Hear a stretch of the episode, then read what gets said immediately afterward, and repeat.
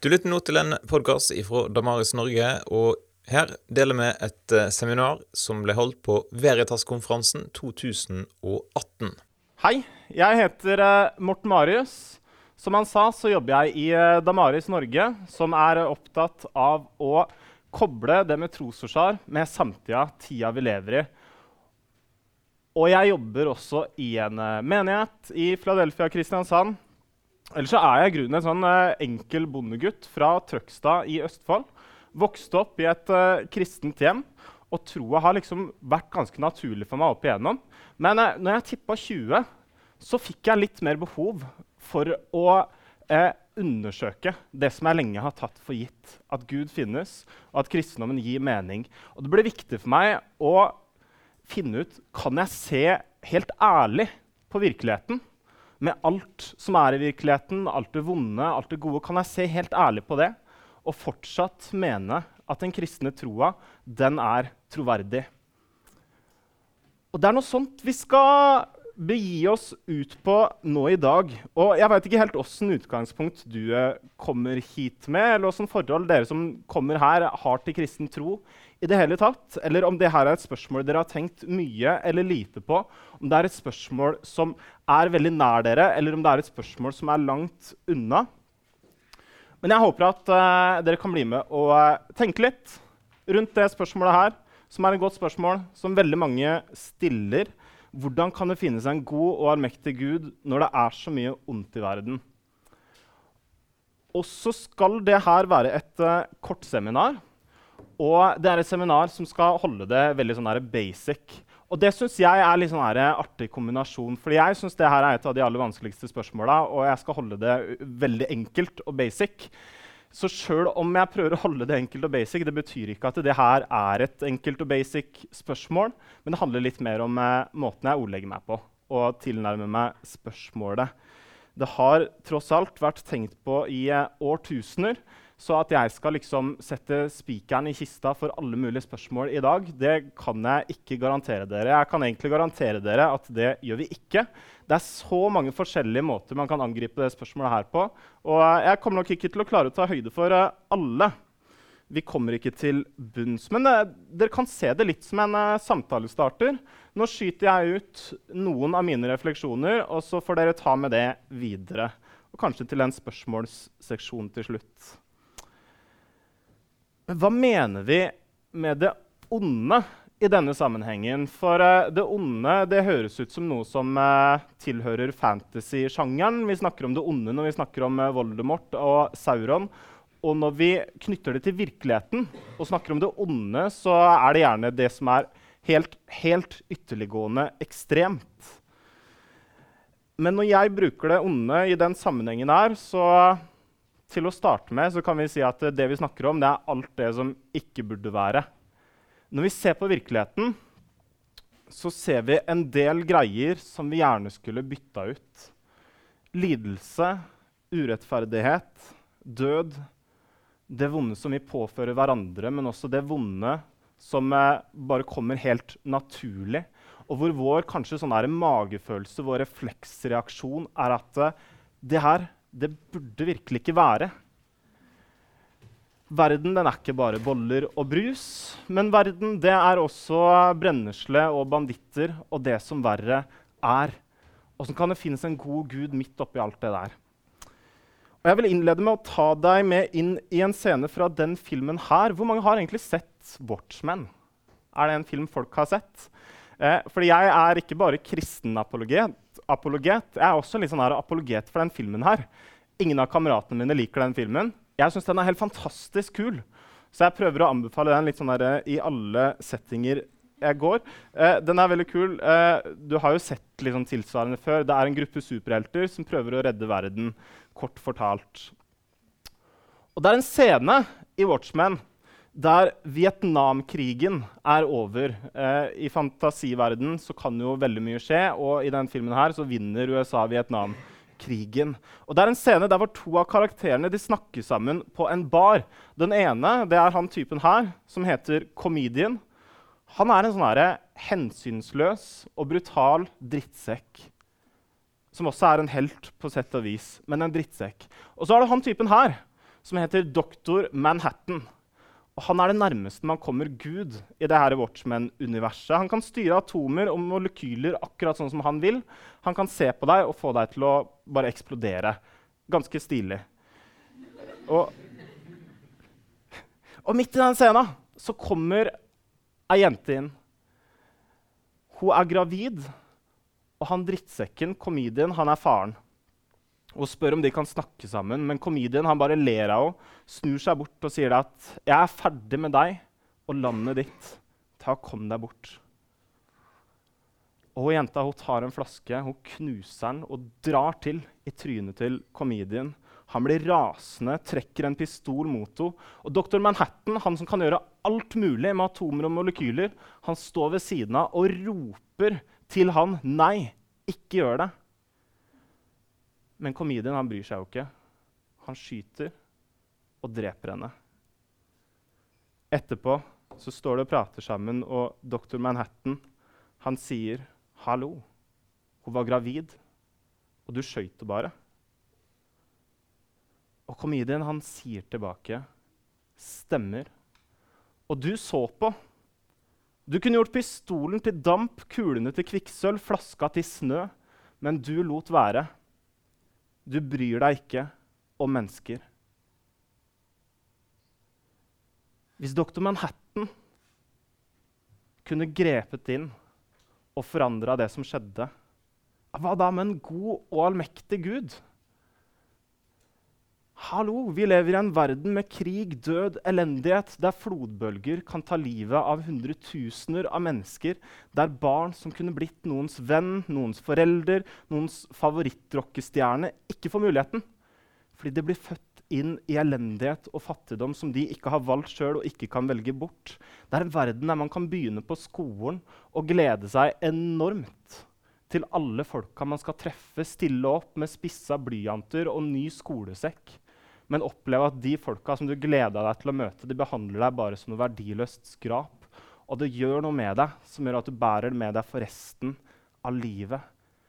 Vi lever i en verden hvor folk kan få telefoner midt på natta med beskjed om at det verste har skjedd. For ulykker de kan ramme hvem som helst og når som helst. Og attpåtil så sier kristne at Gud er god.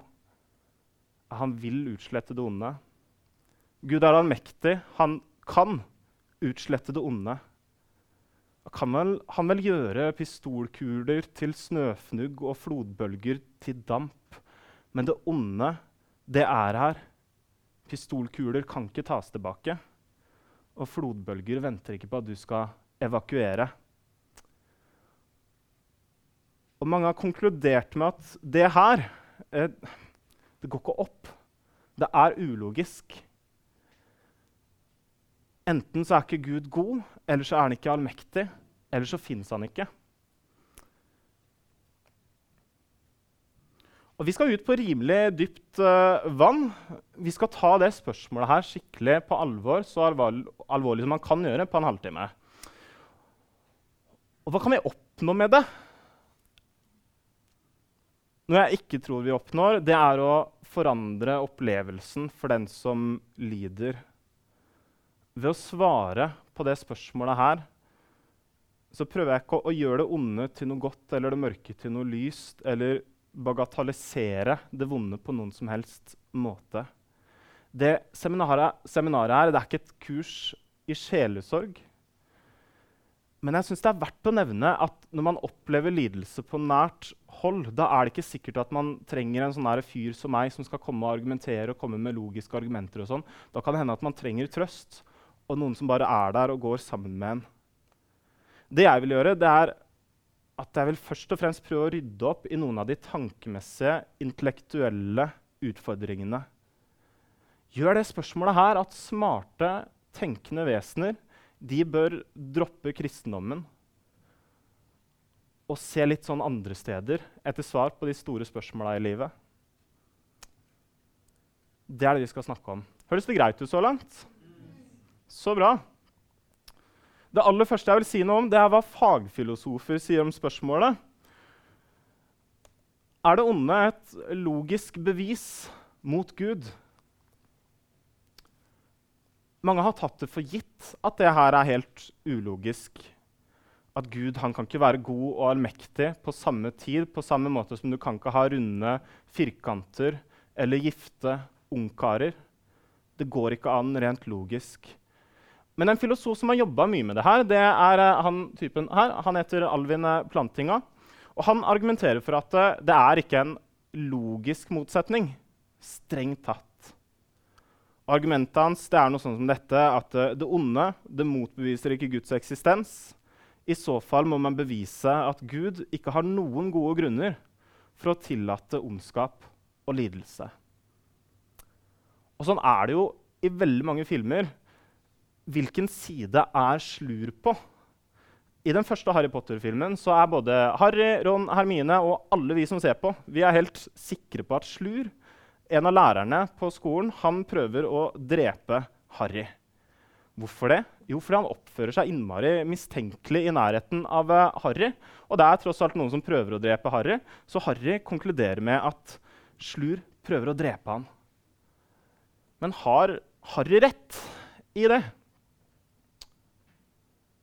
Nei, det viser seg jo at uh, alle fakta er ikke på bordet. Slur han har en god grunn til å oppføre seg som han gjør. Han prøver å redde Harry og beskytte det vises sten, som det er veldig viktig at han beskytter. Så når vi konkluderer med at han prøver å drepe Harry, så er det fordi vi har ikke alle fakta på bordet. Og når vi møter det spørsmålet her med en gang, så høres det innmari ulogisk ut. ikke sant? Gud er god, allmektig, allvitende, og det onde eksisterer. Det høres ut som en totalkrasj. Men så lenge det kan tenkes at Gud har en god grunn for å skape en verden der det onde eksisterer, da er ikke det onde et strengt tatt logisk bevis mot Guds eksistens. Og det er det han, filosofen Alvin Plantinga har eh, argumentert for Og i dag så er det faktisk veldig få filosofer som mener at det her er et sånn strengt logisk bevis mot Gud. Det betyr ikke at Gud har sluppet helt av kroken, for det mange filosofer istedenfor gjør, det er å argumentere for at uh, den store mengden av lidelse som framstår så unødvendig, det gjør at Gud virker lite sannsynlig. Men veldig mange har akseptert det Planting argumenterer for, at på grunn av det her, det kan finnes en god grunn, så er det ikke et strengt logisk bevis mot Guds eksistens. Så hva kan være Guds grunn for å lage en verden der det onde eksisterer? Plantinga og mange andre argumenterer for at det kan finnes en god grunn, og det er noe som dere sikkert har hørt før fri vilje. Og vi starter der. Fri vilje du kan uh, oppsummere det med at en verden der vesener har reell frihet, det er bedre enn en verden der de ikke har det. Gud han kunne ha gjort pistolen til en uh, hårføner. Han kunne ha bestemt alle valgene våre for oss og fjerna muligheten til å gjøre noe galt i det hele tatt. Hvorfor gjør han ikke det? Nei, sier C.S. Lewis. Hvorfor ga Gud fri vilje? Fordi sjøl om fri vilje gir muligheten for det onde, så ville det vært umulig å ha kjærlighet og godhet uten fri vilje. Og Gud han har skapt mennesket for kjærlighet, til å elske Gud og til å elske sin neste. Og den kjærligheten den forutsetter frihet til å velge. Du kan jo se for deg at noen frir til deg og ber deg om å elske dem for alltid. Men mens de frir, så holder de en pistol mot hodet ditt. Er det ekte kjærlighet? Kjærlighet forutsetter frihet, argumenterer veldig mange for. Men friheten den gir også mulighet for å såre og skade hverandre. Ja, til og med vende Gud ryggen. Så sånn sett så forklarer kanskje fri vilje det onde vi mennesker gjør mot hverandre. OK, kanskje det er noe her. Men betyr det at Gud har skapt det onde? Nei, jeg tenker man kan fint si at uh, Gud, han er god, og alt Gud skapte, det er godt. Det gode, det er strengt tatt alt det som er i tråd med Guds karakter og hans vesen. Og tenker man sånn, så kan man forestille seg at det onde har oppstått på et punkt fordi Gud har skapt vesener med frihet til å velge bort det gode eller vende seg bort fra det gode. Det trenger ikke å bety at Gud liksom skapte noe ondt. At han på en måte eh, lagde det onde sånn at mennesker skulle ha en kategori å velge i. Men det kan hende at det onde har oppstått i det øyeblikket noen vendte ryggen til Gud og alt det gode. Og det er jo en tanke. Eh, og det er mye mer vi kunne sagt om det. Åssen skulle det foregått? Og så videre. Vi kan ta det i spørsmålsseksjonen etterpå.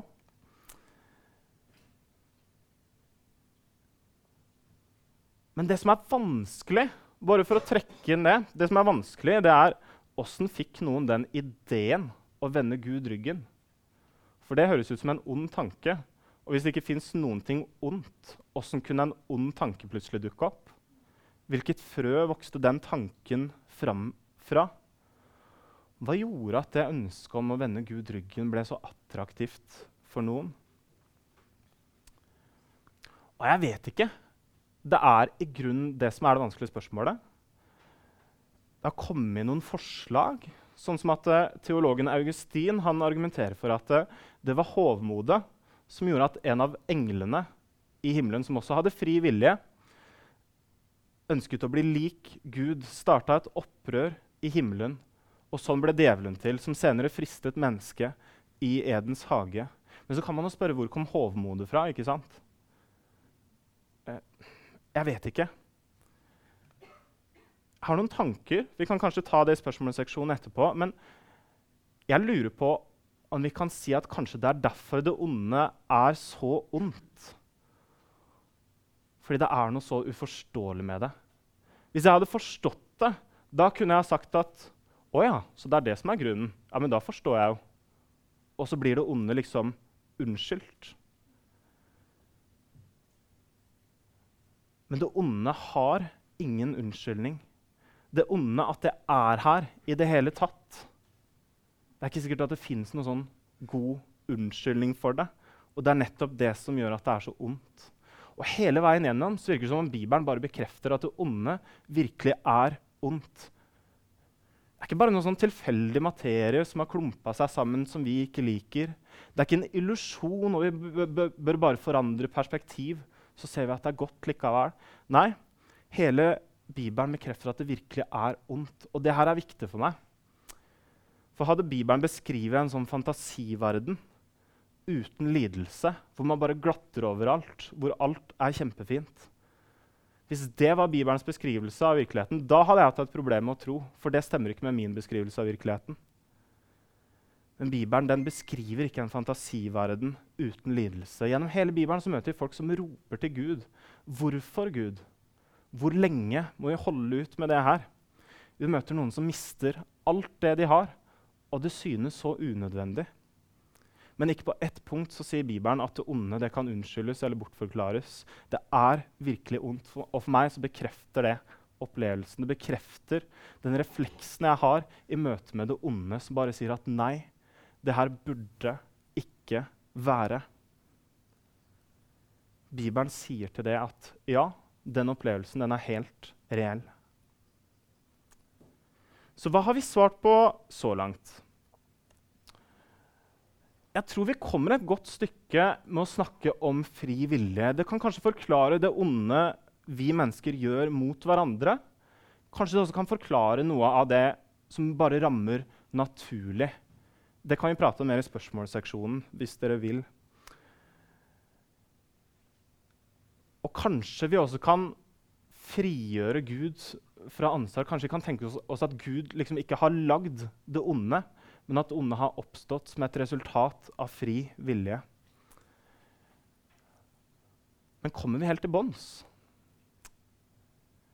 Jeg syns ikke vi kommer helt til bunns. Fordi hvis Gud er allmektig og allvitende, så må han på forhånd ha visst at det onde ville skje. Han måtte ha visst hva som kom til å skje når han satte i gang verden. Og ja, man kan oppnå gode ting ved å gi mennesker frihet, kjærlighet, godhet og omsorg. Men er det verdt det når prisen er så høy? Kan man spørre.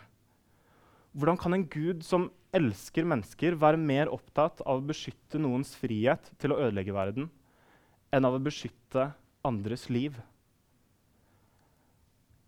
Vi må si mer enn det her.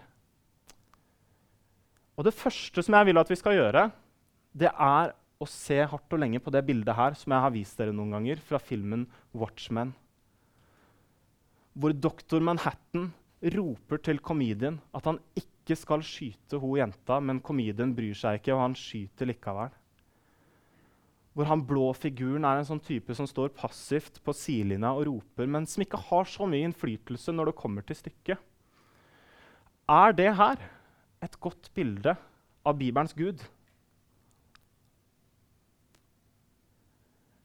Det er en pastor som heter John Stott, som har sagt at i en verden med virkelig lidelse, hvordan kan man tilbe en gud som er immun mot det?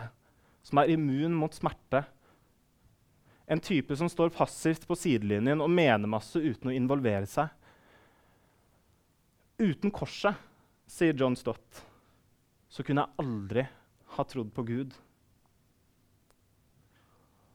Og det er ikke et poeng som jeg kan skyve bort fra ligninga her. Det er et poeng som er helt, helt vesentlig. For Bibelens Gud er nemlig ikke immun mot smerte. Det er ikke en Gud som har holdt lidelsen på god avstand og sitter på tronen i himmelen og bare sett på.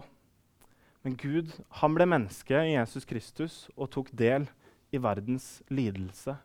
Han gråt da hans beste venn døde, han hadde angst til døden, han ble torturert og drept på et kors. Og Hvilken forskjell gjør det?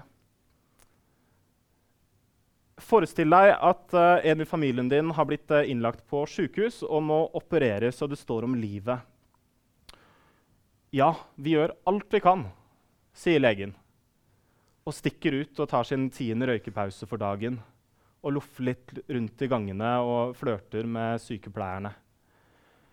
Stoler du på at den legen virkelig gjør alt han kan? Jeg hadde hatt problemer med det. Men se for deg at du har en annen lege, en lege som sier ja, vi gjør alt vi kan. Og så legger legen seg ned på operasjonsbordet og sier ta min nyre. En sånn lege kunne jeg stolt på, sjøl om jeg ikke visste utfallet fullt og helt. Men jeg kunne stort på en sånn lege som viser at han ikke er immun mot smerte, som viser at han gir noe av seg sjøl. Og det er på samme måte med oss og Gud. Vi ser kanskje ikke hvordan all den lidelsen her skal kunne tjene til noe godt. Forstår ikke fullt ut hvorfor det onde er her. Men hvis Jesus har tatt del i verdens lidelse ved å gi seg sjøl på et kors, da kan man i hvert fall ikke si at han ikke bryr seg. Og da passer det bildet her dårlig med Bibelens beskrivelse av Gud som blir menneske og tar del i verdens lidelse. Ok, Hva mer kan vi si? Vi må også ta Bibelen på alvor for det den er. Jeg vil argumentere for det her at Bibelen gir en praktisk løsning på det onde.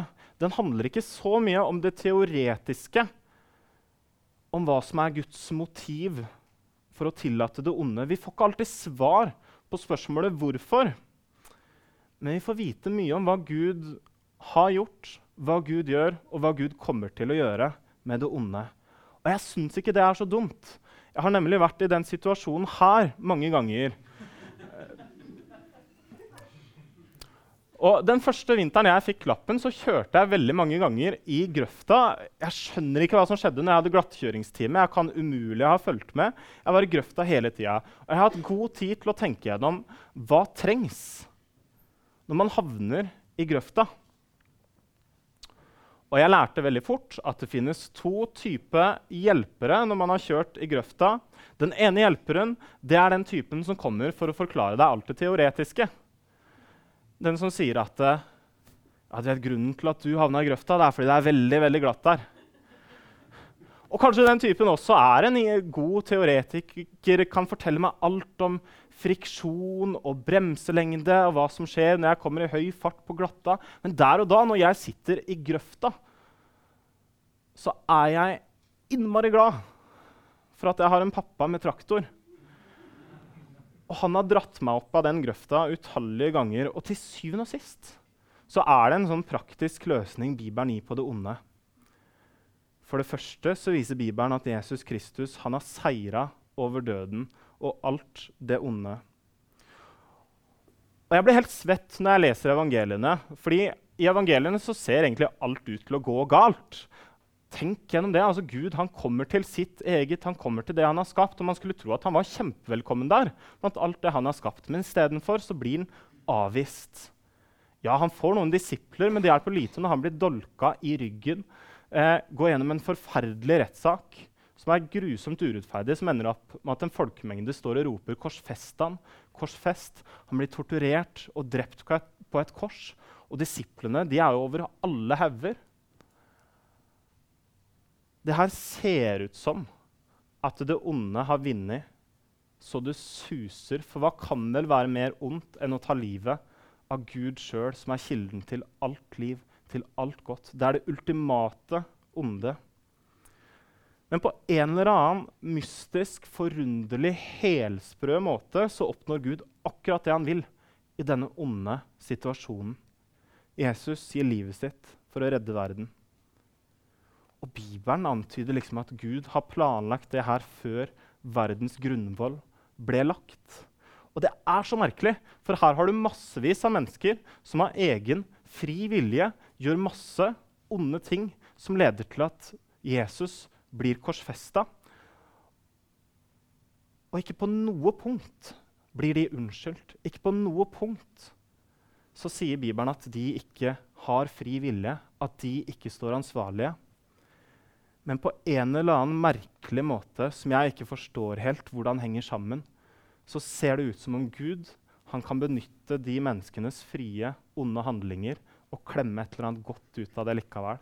Ikke bare det, men Bibelen sier at han kledde maktene og åndskreftene nakne, stilte dem fram til spott og spe da han viste seg som serreherre over dem på korset. Jeg vet ikke hvordan det henger sammen, men det forteller et eller annet om at på et nivå jeg ikke kan fatte og begripe, så har Gud kontroll. Selv i en verden der mennesker har frie valg og står ansvarlig for det de gjør. At Gud kan bruke det onde til noe godt.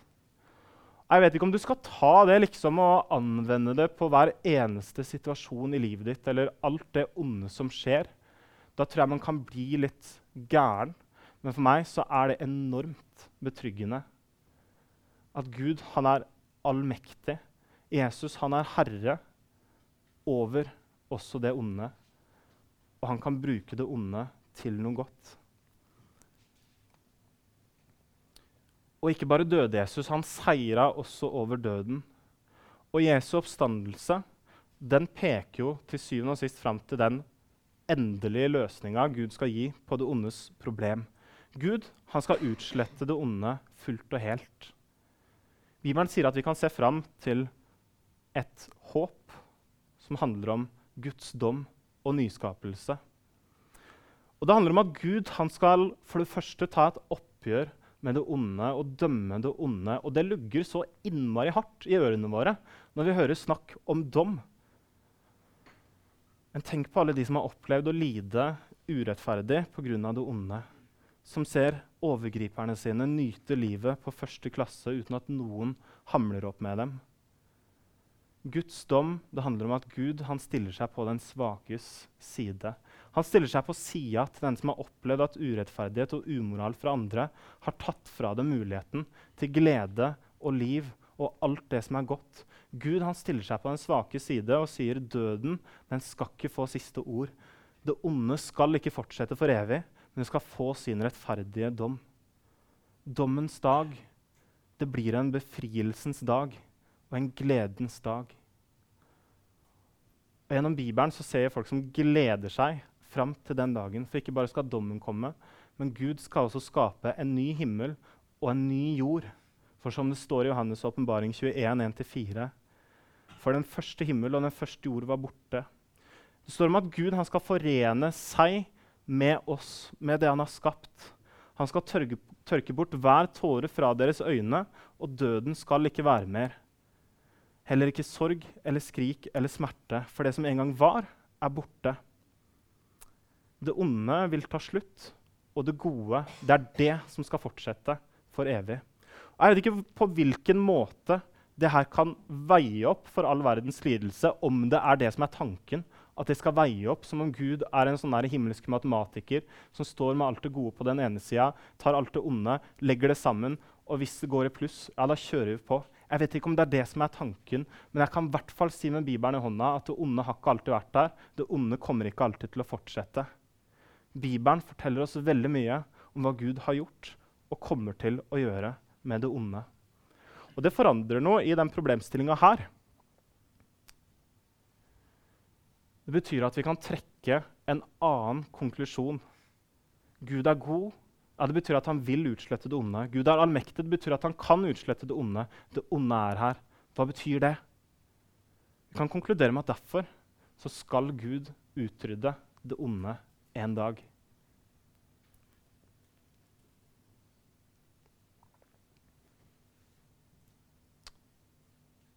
Er det greit om jeg tar fem minutter til før vi går til spørsmål? For det er så nærliggende. Og når vi lar den henge der, så må vi jo spørre oss hvorfor venter Gud med å fjerne det onde?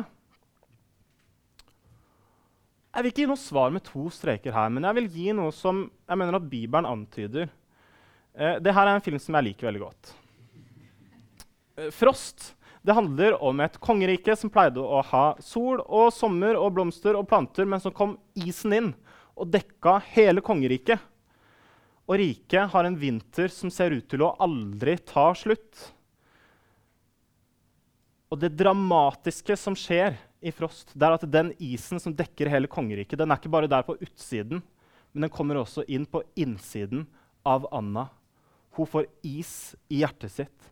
Og hvis ikke noe kan tine hjertet hennes, så vil hun fryse til is, sier de. Og kanskje vi er litt sånn som Anna.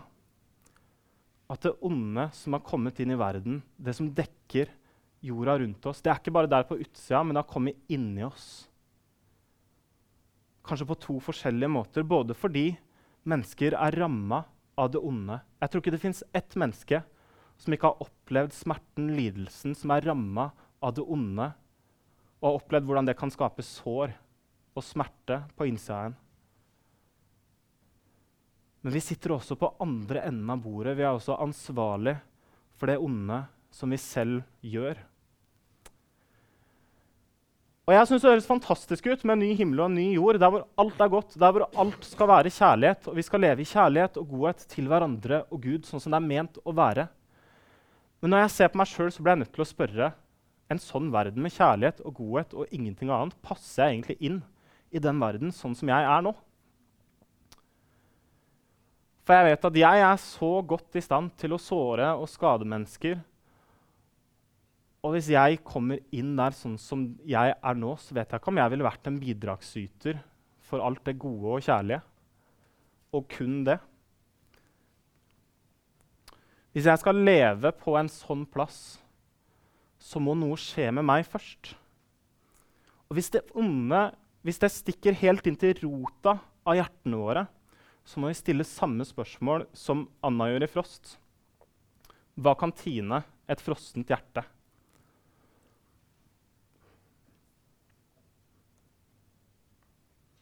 På korset så går Jesus til kjernen av problemet. Kolossebrevet 2,13 sier at dere var døde pga. misgjerningene og deres uomskårne kjøtt og blod. Men han gjorde dere levende sammen med Kristus da han tilga oss alle våre misgjerninger. Og Jeg er pinsevenn. Jeg elsker det når man snakker om å være født på ny, leve et nytt liv ved troen på Jesus Kristus. Og jeg, Det er ikke bare fordi jeg syns det høres så innmari fint ut, men for meg så gir det filosofisk mening at hvis kjernen av problemet er noe på innsida her, så må løsninga også starte på innsida her på en eller annen måte. Guds redningsaksjon det starter med kjernen av problemet, hjertene våre. At vi kan ta imot Jesus, bli nye på innsida, delvis i dette livet. Og på ikke noen måte så lover Bibelen et liv uten lidelse. Men når Jesus kommer tilbake, så er det snakk om forvandling. Å bli ny, fullt og helt. Hva gjør Gud med det onde? Han går til kjernen av problemet. Kanskje han kunne ha fjerna alt det onde pang, her og nå. Men hvem vet hva han måtte fjerne da, om ikke også oss, ikke sant? Så det er noen ting her som jeg syns Ja, det gir litt mening, sånn som Bibelen sier det. Men sånn for å trekke noen linjer og oppsummere kan vi se ærlig på virkeligheten med all lidelsen som er der, og fortsatt mene at den kristne trua er troverdig? Det er utrolig viktig for meg at Bibelen ikke beskriver en sånn fantasiverden hvor det ikke er lidelse. Men den virkeligheten som Bibelen beskriver, hvor det onde og lidelse er helt reelt, den matcher veldig godt den verden jeg ser rundt meg. Og når jeg ser helt dønn ærlig på korset, så kan jeg ikke komme bort fra at det bildet av en gud som står passivt på sidelinja uten å bry seg, vet du hva? Det stemmer ikke. Jeg vet ikke om vi kommer til bunns i absolutt alle spørsmål. Men jeg tror ikke vi gjør det uten å gå til kjernen av hva evangeliet er også. Så jeg lurer på om jeg avslutter uh, der. Og så er vi så rause at vi gir mulighet for noen spørsmål. Og nå er jeg veldig klar over at det spørsmålet her det kunne man tatt fra så mange andre vinkler også. Uh, det er så mange andre ting man kunne ha sagt. Men jeg vil gjerne høre litt sånn der, om dere har noen innspill, noen spørsmål dere vil at jeg skal utdype. Om det var noe jeg sa som var uklart, som dere vil at jeg skal si mer om. Så tusen takk for meg, og kaster ordet over til dere, folkens. Ja? Det er kanskje litt ja, men eh, ja, at eh, det er en dimensjon med at vi har naturkatastrofer som tar livet av mange mennesker, eh, og at det handler om at vi lever i en fallen verden som ikke funker som den skal. Men hvordan forklarer du overgangen fra dimensjonen til at det er to mennesker som har synda, til at en hel verden blir påvirka av det? Sånn, hvordan forklarer du den overgangen? For meg virker det som det er to forskjellige dimensjoner eller perspektiver. Ja. Og Det er litt forskjellige svar som noen har gitt på det spørsmålet der. Hva med naturkatastrofer? Hva med det som bare rammer helt naturlig? Noen prøver å svare sånn her og si at eh, en natur med fysiske lover det er noe som bare er helt nødvendig for at verden skal fungere. Og I utgangspunktet så er det godt. Det er ikke sikkert at naturkatastrofer er ondt i seg selv. Det er bare veldig ondt når vi mennesker kommer i nærheten av det. Et stup det er ikke ondt. Det er bare ondt når vi ramler utfor. Sånn er det noen som har prøvd å svare. Eh, sånn som du antyder litt i spørsmålet, så snakker Bibelen om at det er noe som skjer i syndefallet ved at mennesket vender seg bort fra Gud. Så får det konsekvenser for naturen. Og på en eller annen måte så er det en del av det bildet Bibelen gir. At uh, den verden vi lever i nå, den er fallen, den er i ubalanse. Det står at det skapte, det sukker og stønner og lengter etter å bli forløst. Det betyr at det, det her problemet som er i verden, det angår skaperverket. Det betyr at løsninga det angår også skaperverket. Og I første Mosebok så antydes det at pga. det mennesket gjorde, og pga. det slangen gjorde i hagen, som frista mennesket, så skal jorda være hard, vanskelig, det skal vokse opp torner og tistler. Og kanskje det er et begrep for å si at det, det har fått ringvirkninger for jorda. En litt mer sånn derre eh, En annen approach til det er å si at det er en del av det naturlige som rammer, som også kan spores tilbake til oss mennesker at det finnes mennesker som lever i land med stor nød, drikkevann som er veldig dårlig. Det har til dels også å gjøre med at uh, vi mennesker vi har lagd en verden hvor det er innmari skeiv fordeling. Noen som er styrtrike, andre som er lut fattige. Og skal man tro de nyeste rapportene når det gjelder klima, så har mennesker en, en finger med i spillet når det gjelder naturkatastrofer også. Eh, Noen argumenterer også for at uh, det er ikke bare mennesker og Gud som er med i regnestykket her, men Gud har skapt andre vesener også, engletype vesener, som har blitt voldemorter og sauroner fordi de har fått fri vilje, vendt seg bort fra Gud som oss, og som kanskje står og forpurrer litt, lager naturkatastrofer og den slags ting. Det er en del forskjellige måter man kan angripe det spørsmålet på. Så tilbake til spørsmålet ditt. Eh, den overgangen eh, Det kan være en naturlig konsekvens at mennesket som er skapt til å forvalte jorda på en god måte, representere Gud Kanskje de ikke har gjort en god nok jobb, kan du si. Eller kanskje det er eh, en konsekvens fra Guds side som han tillater at skjer. Eh, ja, jeg tror det er det som jeg kan si om det. Noen flere spørsmål? Nå har vi fire minutter igjen, så fyr løs hvis det er mer dere tenker på.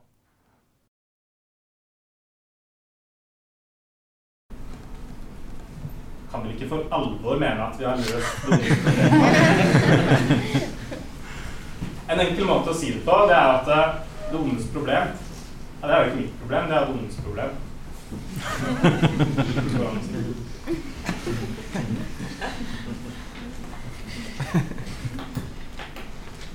Ja. Du snakket om at du hadde noen teorier angående hvor ondskap ble til. Ja. Vil du forklare litt rundt det? Fordi når ondskap blir til, ikke sant? det som er vanskelig, er at Gud har skapt bare gode ting. Og det ikke fins noe ondt på noe som helst punkt. Eh, vi ser jo det i den verden vi lever i også. At eh, Altså penger, Man trenger ikke å tenke på at penger er ondt. Men det blir ondt hvis man verdsetter penger mer enn ærlighet. Da kan man ende opp med å bli korrupt. Det er ikke sikkert det er noe galt i seg sjøl med å elske nytelse. Men hvis man verdsetter sin egen nytelse høyere enn andre mennesker, og hvis man verdsetter sin egen ytelse så høyt at man tillater at andre mennesker utnyttes og lever i fattigdom, vet du hva, da kan det være galt å elske sin egen ytelse, sjøl i og for seg verken ytelsen eller andre mennesker er ond. Og det kan hende at det er det som har skjedd i Bibelen også. Romerbrevet sier det at eh, på et eller annet punkt så har mennesket istedenfor å lovprise Gud behandla Gud som noe lavere enn det Gud egentlig er. Man har endt i utakknemlighet. Man har bytta ut skaperens bilde og heller tilbedt det skapte. Og det er en logikk der. For det skapte det er ikke ondt i seg sjøl, men det kan gå galt når man verdsetter det skapte høyere enn han som har skapt alt. Eh, Likevel syns jeg det er vanskelig, fordi hvor kommer den onde tanken inn? Det ønsket om å verdsette noe annet i Guds sted. Men det kan hende det er noe sånt som har skjedd for å kaste ut noe. Så da fikk dere noe å tenke på. Eh, skal vi se, jeg må se på klokka. Ja, vi har jo to minutter igjen. Vi tar deg også. En, en kommentar er at, eh, at en mulighet Gud har gitt oss, er jo å be Mm. Og, be, og be sammen med ham. At han, at han hjelper oss i bønn, og at eh, siden, siden det, onde, det, onde, sprer seg, blir, blir verre, større, sterkere. Eller, altså, det, er en, det er en sånn gang i historien og i forhold til endetida at vi, at vi nærmer oss endetida. Men eh, at Gud, Gud, har gjort, det, Gud har gjort det så enkelt og mulig for oss å be. Be for å bli sterke i Hans kraft. Og få altså få det vi trenger, utrustning, eh, for å leve Altså for å leve etter hans vilje og følge etter ham, og altså at ånden er sterkere. Og det, det, virker som at vi, eh, at vi er mer desperate etter hjelp enn noen gang før. Men da kan vi gjøre Det er jo det det står, at da får vi utrustning til all god gjerning. Og vi er ikke bare mennesker. Og det Altså hvis vi, hvis vi ber, ber, mer for alt, for, for, alt og alle, så får vi jo stor eh, eh, både kraft og at Gud gjør mer. Og det, er liksom, det gir håp, syns jeg, i forhold til det onde. Ja, og jeg syns det er et veldig godt innspill. Og bare for å legge til på det du sa Hvis problemet er at uh, på et eller annet punkt så har noe annet blitt satt i Gud sitt sted, så må vi jo snu om på det. da. Sette Gud på toppen igjen. Og jeg tror at noe av det ondes problem, grunnen til at det er så stort spørsmål i dag, det er fordi vi tenker at mennesket skal være i sentrum. Og hvis mennesket skal være i sentrum, da er det fort at vi reduserer Guds rolle til å være menneskets hjelper, som skal hjelpe oss til et godt og lykkelig liv. Hvis vi tar en helomvending og tar liksom tilbake den ideen om at Gud han er større enn alt Han er herre, så kan vi ha frimodig tillit til han i bønn. Og når vi også tar med det at Gud han deler, eh, deler vår forståelse av det onde som noe som er forferdelig, noe som ikke burde være, så kan vi også klage til Gud, rope til Gud i det onde som er. Ok, da tenker jeg at vi skal la dere få gå til neste seminar. Tusen takk for at dere kom.